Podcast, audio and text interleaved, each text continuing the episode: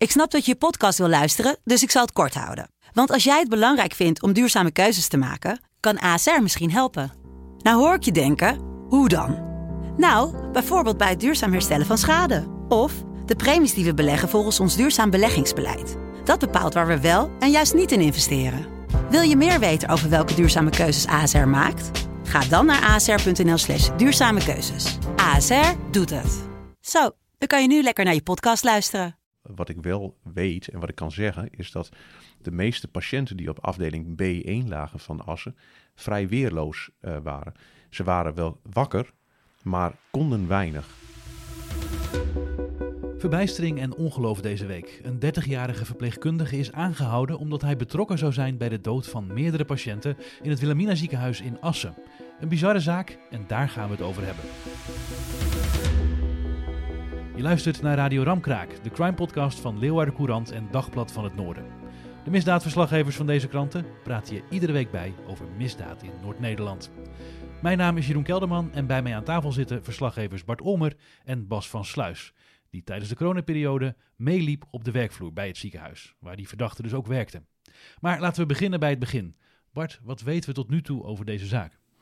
We weten dat er eh, afgelopen maandag een 30-jarige man eh, uit de gemeente Noorderveld is aangehouden. En de verdenking betreft uh, dat hij betrokken is geweest bij het overlijden van patiënten in het Wilhelmina ziekenhuis in Assen. En dat was dan allemaal tijdens die coronapandemie. daar was hij in die periode werkzaam als verpleegkundige. Um, hij is voorgeleid aan de rechtercommissaris. Um, die heeft hem in bewaring gesteld. Ze zit nog voor 14 dagen vast. Um, hij zit ook in de beperkingen, dus mag alleen maar contact hebben met zijn, contact, uh, met zijn uh, advocaat en niemand van buiten. Dat betekent ook dat het OM op dit moment niks zegt over of hij uh, meewerkt aan het onderzoek of hij een verklaring aflegt. Een zware zaak? Of, of hoe hele zware dit op? zaak, Ja, een hele zware zaak. Dat hebben we gehoord. Er zitten twee zaaksofficieren op. Dat zijn allebei senior officieren die grote zaken hebben gedaan. Bijvoorbeeld de schuilboerderij in Ruinewold. Um, dus uh, nou, daaruit blijkt wel uh, dat het een heftige zaak is. Ja, Bas, jij liep daar tijdens de coronaperiode mee. Uh, in ieder geval een week op die corona-afdeling waar deze verdachte ook werkte. Hoe, hoe was het daar? Ja, ja ik, ik zat daar begin april 2020. en dat was, ja, iedereen zal zich nog wel kunnen heugen dat het, ja, dat was zo'n bijzondere tijd. We, we werden geconfronteerd met een, met een virus uh, ik weet ook nog wel mijn eigen gevoel van, goh, je wilt daar toch bij zijn bij, bij zulke evenementen. Er gaan mensen naar het ziekenhuis, die, die zijn doods en doodziek. Uh, daar wordt een strijd geleverd. Uh, zo, zo, werd dat ook de hele tijd naar buiten gebracht. Hè?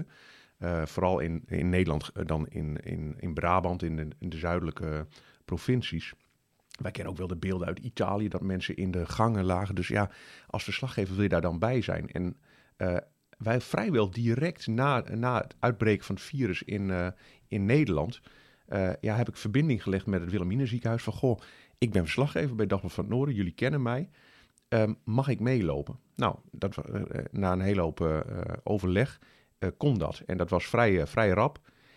Ja, en dat, dat, je stapt gewoon een andere wereld in. Dat Hoe is, was die sfeer daar? Ja, ehm, heel serieus, heel bedompt, heel professioneel ook. En tegelijkertijd ook heel angstig. Ik, uh, ik weet nog, eh, ik begon dan uh, op een woensdag. En echt met een knoop in mijn maag. Dus dan ga je eerst naar de triage. Een, een, een ding tegen je oren aan van... Goh, hoe, uh, heb je koorts of niet? Want anders kom je helemaal niet binnen. Beoordelingsstraat, hè, was dat? Ja, ja. En dan, ja, dan ga je een sluis door. En dan word je helemaal in een plak, uh, pak gehezen. Dus uh, een pak natuurlijk, een, een haarnetje, mondkapje, spatbril... En uh, de verpleegkundigen en de uh, artsen die daar werkten op die afdeling, en dat is afdeling B1 van het Wilhelmina ziekenhuis, die moesten na twee uur, tweeënhalf uur ook verplicht van de afdeling af om even rust te nemen. Want het was daar ook heel warm. En het is extra warm omdat je zo'n zwaar pak aan hebt. Het is niet een zwaar pak, maar het voelt zwaar. Uh, en ik weet nog dat die mondkapjes, die, die streamden gewoon in mijn gezicht. Maar ik, hoefde, ik zat niet vast aan die verplichting, maar na vier uur of zo moest ik daar echt wel af. ook met de indrukken die je, die je daarop deed. De hitte, de, de stress. Dus het, het voelde heel rustig en sereen. En tegelijkertijd hing er een deken over van... Ja, dit is, dit is heel serieus wat hier, wat hier gebeurt. Werd die deken ook nog erger doordat je zeg maar ja, het gevoel hebt dat je losstaat van je omgeving omdat je in zo'n pak zit? Uh, ja, uh, ik kan mij nog eh, herinneren dat eh, na, afloop van elke dagdienst gingen de verpleegkundigen ehm, gingen naar buiten eh, door die sluis. En dan werden ze afgewisseld hè, door, de, door de volgende dienst. En dan gingen ze met elkaar napraten. En dat gebeurde wel eens in het ziekenhuis, maar dan incidenteel, één keer per maand of iets. Maar hier gebeurde het dagelijks, omdat ze werden geconfronteerd met een virus dat zij zelf ook niet kenden, waar ze zelf eigenlijk ook best bang voor waren. En ze noemden dat inkachelen. Eh, daar heb ik het woordje inkachelen geleerd. Ik kende dat niet. Maar ze zagen patiënten die voor het oog nog wel goed leken. En die kachelden van het een op het andere moment in. En zij stonden daar dan hulpeloos bij, als het ware. Zij vonden dat ook heel eng. En wat ze ook heel erg vonden, wij kunnen het er niet met de buitenwereld over hebben. Want we kunnen zeggen dat we het erg vinden, maar je moet het ervaren om te zien hoe erg het is. En ik kon me dat niet in het begin, toen maakte die verhalen vooral indruk, maar na een aantal dagen kon ik me dat heel goed voorstellen. Dat je dat gevoel, dat, je dat gevoel hebt, zeg maar. Dat was een hele, hele aparte sfeer. Het is eigenlijk een wereld in een wereld, om het zo maar te zeggen. Heb jij daar ook mensen zien inkachelen? Ik heb daar mensen zien inkachelen. Ja, verbazingwekkend. Echt, echt. Ik, ik, als je me toestaat, ik, ik had één moment. Er was een mevrouw uit, uh, uit Assen. Die wordt ook opgevoerd. Ik heb daar dus een heel groot verhaal over geschreven. Die wordt ook wel opgevoerd in dat verhaal. En die, dat ging zo slecht van het een op het andere moment. Die vrouw voelde zich goed, maar zag er eigenlijk een beetje grijs-blauw uit. Ze had zelf niet door hoe slecht het met haar ging. En toen kwam de longarts en uh, de verpleegkundige. Overigens, uh, de verpleegkundige die nu dus uh, in elk verdachte, verdachte is. En die mevrouw werd medegedeeld, u gaat naar de IC. Nou, die verdachte, die ging van de kamer af. Er kwam een andere verpleegkundige en die zei van, goh, wilt u nog even bellen met uw familie? En dat moest op de speaker, want die mensen die hebben natuurlijk zo'n grote mondkap op, anders kun je niet praten. En dus het voelde heel intiem. Ik ben er maar een beetje achteruit maar ik kreeg alles mee vanwege de speaker. En ik, ik hoor die vrouw zeggen, goh lieverd, uh, ze belde haar man. Uh, ze brengen me nu met ademteug. Ik werd er zelf alweer benauwd, word er bijna nu wel weer benauwd van. En ook wel.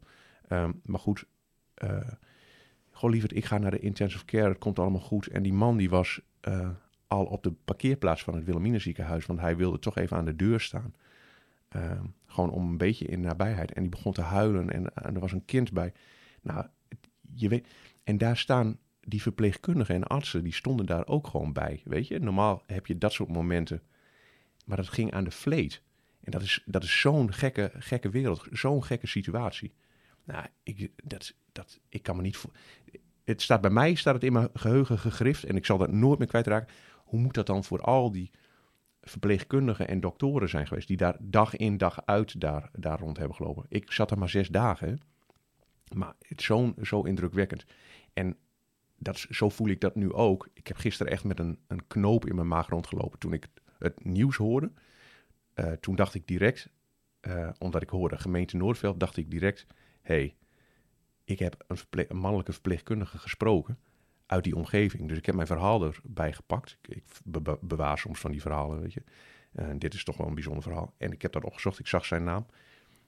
Ik dacht direct, ja, dat kan bijna niet missen. Joh. Ik heb begrepen dat dat verhaal ook uh, op de website van het ziekenhuis heeft gestaan, maar dat het er afgehaald is hè, door het ziekenhuis. Ja, dat klopt. Um, het, het, ziekenhuis was, uh, kijk, we, dat verhaal is gepubliceerd en het ziekenhuis vond het ook een goed verhaal. Uh, hebben ze mij ook gewoon verteld. En ze zei van ja, dit, dit geeft een goed tijdsbeeld weer. Mogen wij het ook op onze website plaatsen? Nou, hebben wij toestemming voor gegeven, of heeft de krant toestemming voor gegeven. Maar ik kan mij dat ook heel goed voorstellen. Want deze verdachte wordt met naam en toenaam in dit verhaal genoemd. Ja, ik wist toen natuurlijk niet dat het een verdachte was. Dus, en hij heeft ook ingestemd. Ik heb iedereen gevraagd van, goh, mag ik uw, uh, uw naam gebruiken of mag ik jouw naam gebruiken? Hij ook. Um, dus ik kan mij de overweging van zo'n ziekenhuis heel goed voorstellen. Dat zij ervoor kiezen om dit verhaal dan offline te halen. Ook ter bescherming van, uh, uh, van deze man. Want hij is natuurlijk verdachte. Ik weet niet of dit de overweging is geweest van het ziekenhuis. Maar dit zou een logische verklaring kunnen zijn. Wij hebben zelf hem nu ook geanonimiseerd. Hè, in, uh... Ja, want waarom noemen we hem eigenlijk T? Want we weten zijn hele naam. We weten zijn hele naam, we weten ook waar hij woont. Uh, omdat het, uh, wij hebben daar natuurlijk wel discussie over gehad. Bart en ik hebben hier ook discussie over, over voeren. Of discussie, ja. we waren het daar vrij goed met elkaar eens. Kijk, er zijn een paar voorbeelden geweest van dergelijke zaken. Uh, en de allerbekendste is misschien wel, uh, die zal iedereen kunnen uitspreken, Lucia de B. Lucia de Berg. Ja, laten we Lucia gewoon de Berg ja, nou, ja, is, is helemaal vrijgesproken. Je hebt gelijk, Lucia de Berg. Uh, zij is eigenlijk aan de hoogste boom opgehangen. Ik ga geen waardeoordeel geven over bewijs. Of dat, maar uh, feitelijke vaststelling is, is dat zij is vrijgesproken. Maar die mevrouw, Lucia de Berg dus, die, ja, die kan eigenlijk nergens meer terecht. En dit zijn hele lastige zaken. En ik denk, kijk, Bart weet daar veel meer van dan ik, dus die zal er vast iets over zeggen. Maar het zijn hele lastige zaken om te bewijzen. Uh, dus de kans is best groot, of aanwezig in elk geval, dat hij misschien vrij wordt gesproken. En dan hebben wij hem aan, uh, ja, dat, dat, dat, dat is gewoon een, een, een afweging. En ik, ik denk een verstandige afweging om te maken. Het begint al een beetje. Uh, we lazen gisteren in het verhaal uh, van het AD uh, een aantal van 24 doden waar het dan om zou gaan. Nou, dat is wel ingewikkeld om dat nu al aan te nemen. Natuurlijk hebben we het licht opgestoken bij het Openbaar Ministerie. En die zegt, nou, wees daar wel heel voorzichtig mee. Want dat is er helemaal nog niet duidelijk. Je kunt niet eens zeggen, is dat een maximale bandbreedte van het aantal mogelijk verdachte gevallen. Dus je moet echt op gaan, uh, gaan passen uh, dat je die zaak niet enorm uh, buiten proporties doet. We weten het gewoon nog niet. Het OM zegt ook, we weten het nog, nog niet. dat, daar moet dat onderzoek uiteindelijk duidelijkheid over geven. Dus we moeten daar ook een beetje voorzichtig in zijn. dat we niet klakkeloos ook dat aantal van 24 dat dan gisteren in de lucht kwam, dat we dat volgen. Nee, wat mij ook opvalt is dat de melding hierover dus van buiten het ziekenhuis komt. Dus dat op de werkvloer blijkbaar niemand is opgevallen dat er iets aan de hand was. Dus uh, neem ik dan maar aan. Ja, ik ben heel benieuwd naar de bewijzen die hebben geleid tot de aanhouding uh, van, en welke aanwijzingen uh, ze hebben. Het verhaal gaat is dat het eerste melding van buiten kwam. Um, nou, daar hebben we op de krant natuurlijk lang over gesproken met de collega's en over gespeculeerd. Um, misschien heeft de verdachte wel een verklaring afgelegd tegen een geliefde, een dagboek bijgehouden of zijn er van dat soort aanwijzingen dat er iets aan de hand is uh, geweest? Uh, bewijstechnisch wordt dit natuurlijk wel een ingewikkelde zaak. Dit zijn mensen die twee jaar geleden uh, zijn overleden. Die zijn begraven of gecremeerd. dus je gaat het hier hebben over bewijskracht in verklaringen. Het is in ieder geval voldoende licht er aan verklaringen om de rechtercommissaris ervan overtuigen dat hij 14 dagen in bewaring moet blijven. Um, maar ik vind wel dat je goed, dat je scherp moet blijven over wat weten we nou precies zeker. Wat we zeker weten is dat er uh, mensen onder verdachte omstandigheden overleden zijn en dat het er meer is dan één. En wat we ook weten is dat het heel hard is aangekomen bij het ziekenhuis. Uh, er is ook een interne videoboodschap van, van Hans Mulder, van, de, van de raad van bestuur van het ziekenhuis. Uh, waarin hij ook zijn personeel aanspreekt. En ik vind het heel warm. En ik, uh, ik heb er ook even over getwijfeld of je dit dan moet laten horen. Dat dit, dit is gericht aan het personeel. Maar ik vind het toch wel, uh, wel heel tekenend hoe, hoe dit gaat. Laten we even luisteren naar wat hij daar uh, tegen zijn personeel over zegt. Ik zou het liefst nu eigenlijk met iedereen in gesprek gaan. op alle afdelingen langslopen. Hoe gaat het met jullie? Wat, is, wat doet het met jullie? en hoe ga je hier met elkaar mee om? maar dat is voor mij onmogelijk. En daarom ook deze videoboodschap. Uh, maar ik zal ongetwijfeld de komende tijd zoveel mogelijk door het huis heen lopen om jullie veel, veel te spreken. Ongetwijfeld heeft deze boodschap ook bij jou gevoelens opgeroepen. Uh, ga daarover in gesprek met je collega's, maar ook met je leidinggevende. Uh, we zullen de komende weken vaak bij jullie terugkomen met informatie als we dat hebben en als we dat ook kunnen delen. en tot die tijd moeten we het hierbij laten. en wil ik je nogmaals zeggen, hè, pas goed op jezelf, pas goed op elkaar. en wil ik ons allemaal sterkte toewensen de komende tijd. Ja, heel warm dit is, uh, dit uh, geweldig. En ik, ik vind het ook eh, heel goed van het Wilhelmina ziekenhuis. Kijk, waar we voor moeten waken, en dat is wel iets wat in, in, deze huidige maatschappijen speelt, is dat we direct gaan wijzen naar zo'n ziekenhuis van, oh, daar moet je niet, niet, niet zijn of iets dergelijks. Want um, dit is gewoon een professioneel streekziekenhuis in Assen. En um, wat ik vooral heb overgehouden aan die week daar op die afdeling en de, de nasleep daarvan, hoeveel fijne mensen daar, daar werken, hoe professioneel daar uh, wordt gewerkt, uh, hoe, met hoeveel warmte ervoor gezorgd wordt dat de patiënten nou ja, in een hele moeilijke tijd toch nou ja, goed geholpen worden. En ik vind dat ook heel goed dat de Raad van Bestuur dit op deze manier aanpakt. Ik bedoel, Hans Mulder die, die heeft toen de tijd ook in het CBT gezeten, het crisisbeleidsteam. En toen viel mij ook al op hoe professioneel hij hiermee omgaat. Uh, wel uh, zacht eh, als, het, eh, als het moet, maar ook hard. Want er moeten hele moeilijke beslissingen genomen worden. Hè. Je hebt maar beperkt intensive care ruimte. Welke mensen gaan er wel heen, welke mensen gaan er niet heen. Nou, en dat, dat zijpelt dan naar beneden, naar, naar de mensen die daar werken. Nou ja, dat is, dat is echt, een, echt pittig hoor. En ik, ik, ik, ik, ik, nou ja, ik smeek bijna mensen van... Goh, kijk ook barmhartig naar het Wilhelmina ziekenhuis wat dat betreft. We hebben hier te maken met een verdachte. Uh, en dat, dat is een eenling. er wordt gewoon goed werk afgeleverd daar in het ziekenhuis. Maar het zegt me ook wel iets anders hoor. Um, je ziet twee stromingen gelijktijdig. Dat is de communicatie vanuit het ziekenhuis en de communicatie vanuit het Openbaar Ministerie. Die zijn natuurlijk niet toevallig op elkaar afgestemd. Dat geeft ook wel de zwaarte aan. Dat is volledig geregisseerd van tevoren. En dat geeft ook wel aan hoeveel druk erop zit. Uh, je hebt er niks van de politie uh, gehoord. Dus als het van een iets mindere orde was geweest, dan had de politie wel iets gecommuniceerd. Nee, er is nadrukkelijk voor gekozen. De OM komt er meteen naar buiten, meteen met een videootje. Um, uh, de hele pers is er afgekomen. Maar die, het regisseren van het moment geeft ook aan, het is een zware zaak. Ja, nee, tuurlijk. Maar heb je ook gelijk in hoor. Maar het, het enige wat ik, wat ik ermee wil, wil schetsen is, ik bedoel, ik heb bij die verpleegkundigen gestaan die ook jankend op de balie zaten, omdat ze het ook niet meer wisten, zeg maar. En daar, daar heb ik gewoon pure betrokkenheid ervaren, uh, zeg maar. En nogmaals, ik, ik heb geen idee hoe het met deze thee zit. Uh, uh, ik weet ook helemaal niet wat er is gebeurd. Wij weten ook nog heel erg weinig. Heeft hij mensen de keel dichtgedrukt? Nou, weet ik veel. Heeft hij pilletjes extra gegeven? Of heeft hij bijvoorbeeld niet gehandeld? Dat kan natuurlijk ook, hè, dat, dat hem dat verweten wordt. Ja, en... maar dan zou je toch sprake hebben van ernstige nalatigheid. En dat, dat valt op. Dan ben je volgens mij niet verbijsterd. Ik, ik hoor Hans Mulder heel duidelijk zeggen: uh, verbijstering. We hadden dit niet verwacht. Dit, Nee. dit hadden we nooit gezien. Nee, maar, je- maar ga bij jezelf te raden. En dan hebben we het ook nog over een ziekenhuis waar, waar mensen werken met, met passie voor zorg. Dus die, die zijn daar omdat ze voor andere mensen willen zorgen. Ja, sterker nog, basis- volgens mij, als je verpleegkundige wil worden, leg je een eet af dat je er alles aan gaat doen om Ja. mensen in leven te houden. Je basisgedachte is toch niet als je in de zorg werkt van... oh, ik moet mijn collega's wantrouwen, want voor hetzelfde geld eh, draait je aan een knopje... om, eh, om iemand om het leven te, te brengen. Dat, dat, dat, ik kan maar die verbijstering kan ik mij heel goed indenken. Wat ik nog weet van die afdeling is dat... en dat is sowieso standaard in een ziekenhuis... als er medicatie gegeven moest worden... als hele belangrijke beslissingen werd dat sowieso via de, eh, de arts gedaan, de longarts eh, vaak... Eh, of intensivist, dat is dan bij de, IC. Maar verpleegkundigen onderling, hey, ik ga nu middel puntje puntje aan patiënt A geven.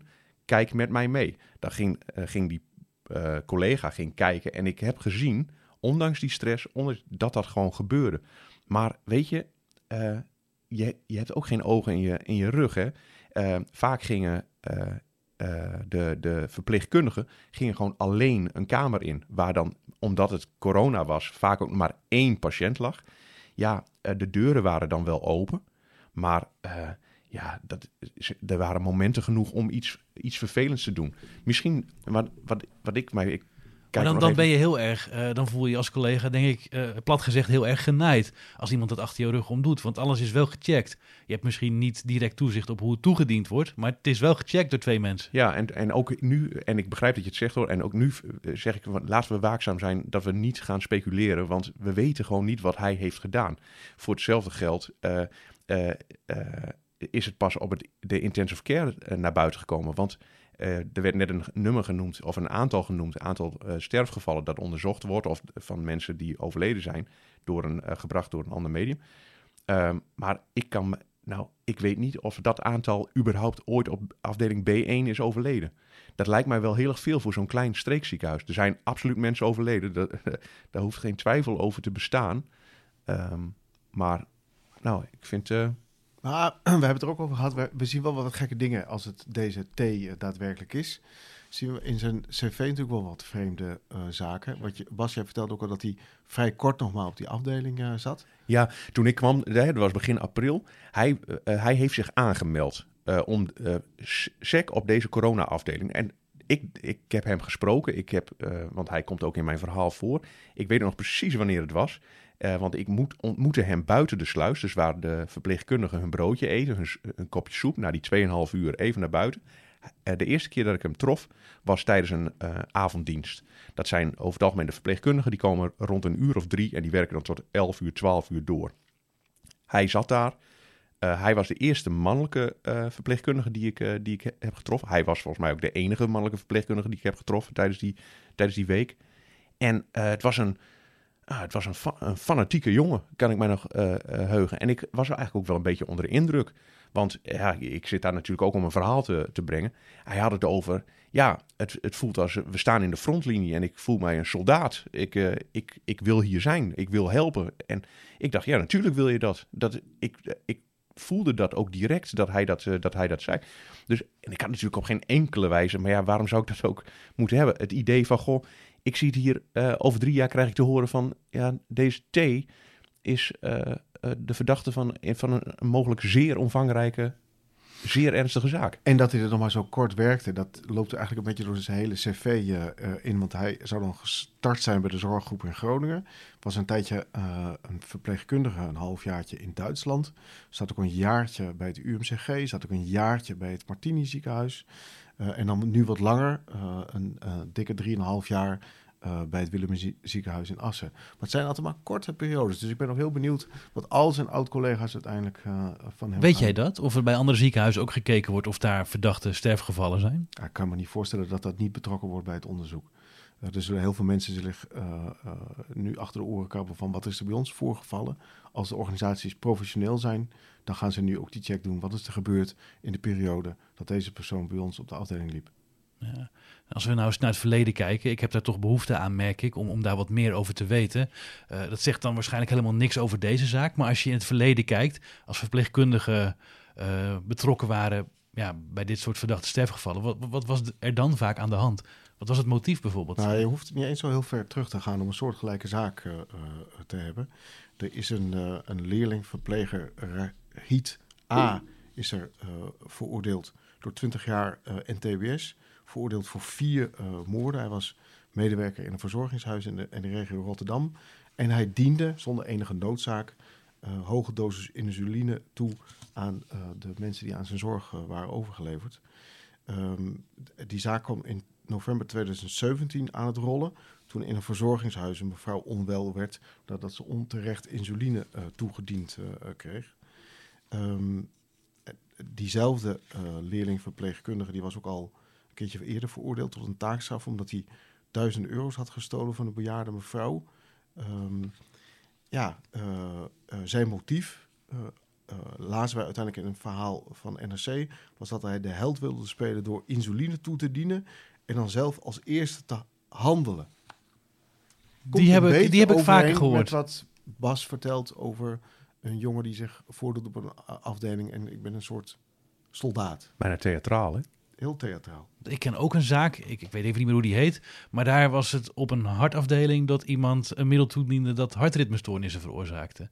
En die hoopte dan de, de patiënten te kunnen redden op het moment dat ze gereanimeerd moesten worden. Dat is ook een zaak uit het, eh, uit het verleden. Dus dat is meer het, het, eergevoel. De allergrootste zaak die we eigenlijk allemaal zijn vergeten... is uh, de zaak van Frans Hoijmaijers. En die had de bijnaam de Spuitereus. Uh, die is um, uh, veroordeeld, uh, die is ooit verdacht van 259 moorden, waarvan er 15 bekende. Later trok hij die verklaringen weer in. Maar is uiteindelijk veroordeeld voor vijf zaken. En ook als moordwapen hanteerde hij de injectiespuit gevuld met insuline of valium. En hij werkte op een afdeling met demente bejaarden de Lukerheide Kliniek in Kerkrade. Dat was in 1975.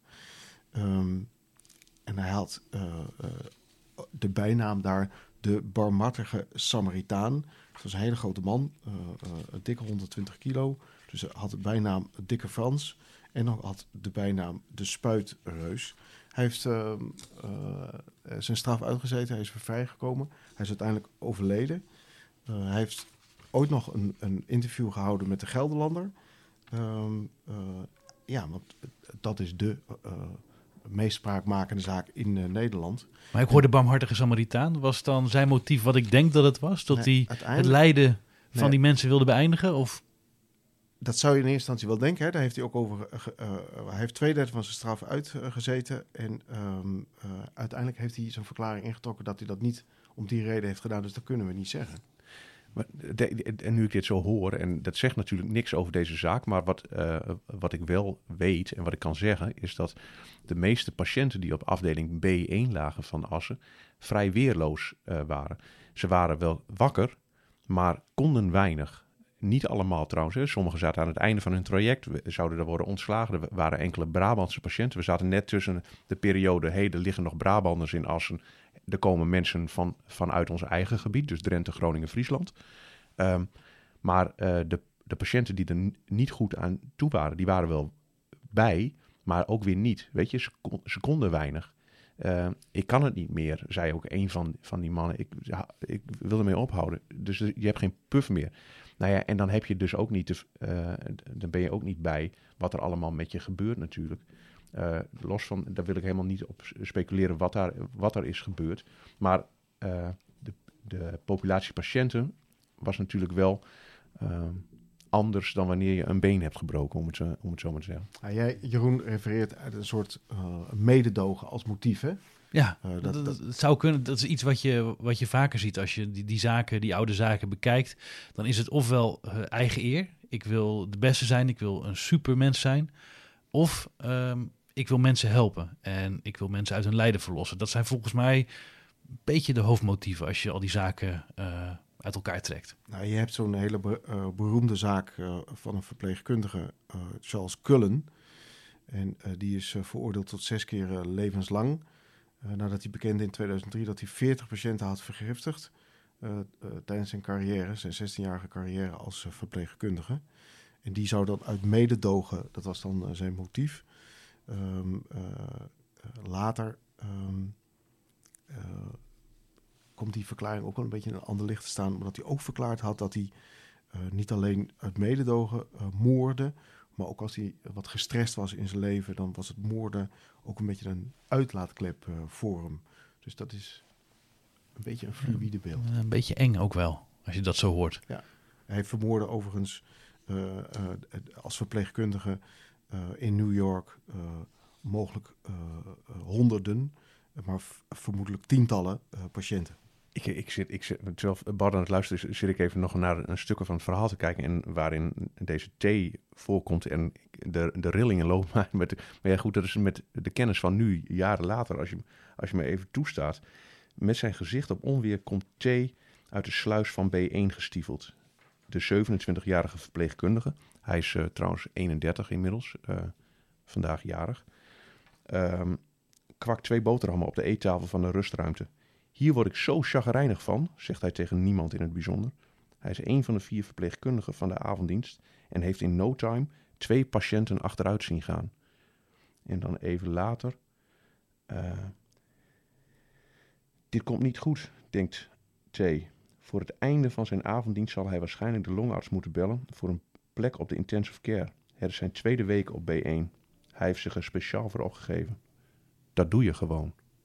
Ja, ik, ik vind het heel theatraal klinken. Uh, zoals je dat beschrijft, hoe die dan uh, uh, daar tekeer gaat en zichzelf neerzet als... Ja, maar dat, ja, en dat, dat, ik snap dat ook heel goed. Ik, ik, ik, toen ik hem trof, dacht ik van, dan zat hij op zo'n blauwe, blauwe bank. Er stonden wat blauwe banken daar, oh, en was hij met zijn boterham inderdaad bezig. En we hebben daar een gesprekje van, nou wat zal zijn, kwartier. En ik ben met hem meegelopen de afdeling weer op. Dus we zijn samen weer de afdeling opgegaan. het, was, het was wel een hele aardige, aardig, aardig vent. Het, ik, ik had niet het idee van, goh, nou, wat een, wat een, wat een engert of iets, of iets dergelijks.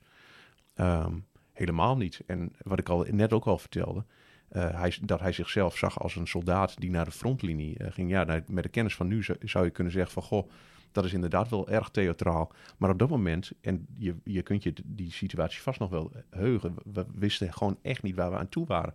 Dus ik dacht van, dit is gewoon een, een, een, een soldaat met een wit pak aan, die een wereld instapt die wij niet begrijpen met z'n allen. En hij doet dit voor, voor ons allemaal. Dus ik, had, ik, ik, voelde wel sympathie voor, uh, voor hem op, een, op deze manier. En dat klinkt nu natuurlijk heel gek, met de kennis van nu natuurlijk. Maar ik vond, ik vond hem heel dapper. Uh, ik, weet, ik, weet, niet of ik hem dat ook heb verteld. Maar... Zo krijg je toch een indruk van iemand op deze manier. Die, ja, nou ja, die misschien helemaal niks zegt over wat er gebeurd is. Maar het geeft wel een heel duidelijk beeld van eh, wat er gebeurd zou kunnen zijn volgens mij. Tenminste, ik heb hem in mijn hoofd wel. Ik ga er niet over speculeren. Ik denk dat iedereen die hier naar luistert ook wel in zijn hoofd scenario's nu, nu, nu heeft zitten. Het komt erop neer. Maar van hoe ga je welke dit bewijzen, informatie- Bart? eh, welke informatie is er binnengekomen bij de Raad van Bestuur? eh, dat zo dwingend was om meteen de inspectie en het Openbaar Ministerie in te schakelen. Want daar is een verklaring afgelegd die echt verbijsterend is geweest. Eh, het bewijs eh, wordt dan wat ingewikkeld. Want stel dat hij ehm, niet meewerkt, dat weten we niet, hè, want hij zit in beperkingen. Dus het OM gaat niks over hem zeggen. Dat zou niet chic zijn. Ehm, maar stel nu dat hij helemaal niks verklaart, dan moeten zij dus eh, alleen maar op basis van anderemans verklaringen dat weer gaan reconstrueren. Ik kan me niet voorstellen dat je na twee jaar nog allerlei bewakingsbeelden hebt van die afdeling van wat er allemaal precies gebeurd is. Ga er maar aan staan, dat wordt een ingewikkelde klus. Zou je dan moeten kijken naar de administratie? Hoeveel, bepaalde, hoeveel van bepaalde medicijnen er gebruikt is? Of, of kijken ze naar andere ziekenhuizen? Hoeveel mensen daar stierven? Hoe, hoe, hoe, hoe zou je dat kunnen doen? Hoe, werkt zo'n onderzoek? Ja, maar dat is ook altijd nog maar bijkomend eh, of aanvullend bewijsmateriaal, eh, niet doorslaggevend. Ehm, eh, laten we hopen dat hij meewerkt met het onderzoek en volledig verklaart. Dat zal ieder geval een, een stuk schelen. Maar om alleen maar te baseren op je administratie eh, van je apotheek En verklaring van een externe. en eh, de herinneringen van collega's, ehm, ja, dat wordt wel ingewikkeld. Tegelijkertijd, kijk, ze gaan natuurlijk eh, kijken wanneer werkt T of wanneer werkte T. Wat is er in die uren dat hij werkte, dus al die dagen dat hij daar op B1 werkte, wat is er gebeurd? Wat kun je daarnaast leggen? Dat kun je natuurlijk ook naast collega's leggen van, goh, zijn daar, kun je daar een patroon uit halen? En dat is natuurlijk aanvullend, eh, dat begrijp ik ook wel. Maar ik, ik geloof dat bij dit soort zaken, en dit is echt in potentie een mega grote zaak, dat eh, het Openbaar Ministerie, eh, maar ik denk ook de inspectie en het ziekenhuis zelf, alle registers open zullen trekken om hier in elk geval duidelijkheid over te verschaffen. Het is ziekenhuis ook veel aan gelegen natuurlijk, hè? dat ze kunnen, kunnen zeggen van, goh, eh, dit is er gebeurd. Hadden wij dit kunnen voorkomen? Ik denk dat ze zichzelf ook heel erg tegen het, eh, tegen het daglicht aanhouden van, goh, kan dit, op, kan, kan dit ook nog op andere afdelingen? Eh, dus ja, En andere zaken zijn ook gestart di- bij, direct na een melding, hè, terwijl eh, iedereen nog op de afdeling aanwezig was. Dit is gewoon meer dan twee jaar later.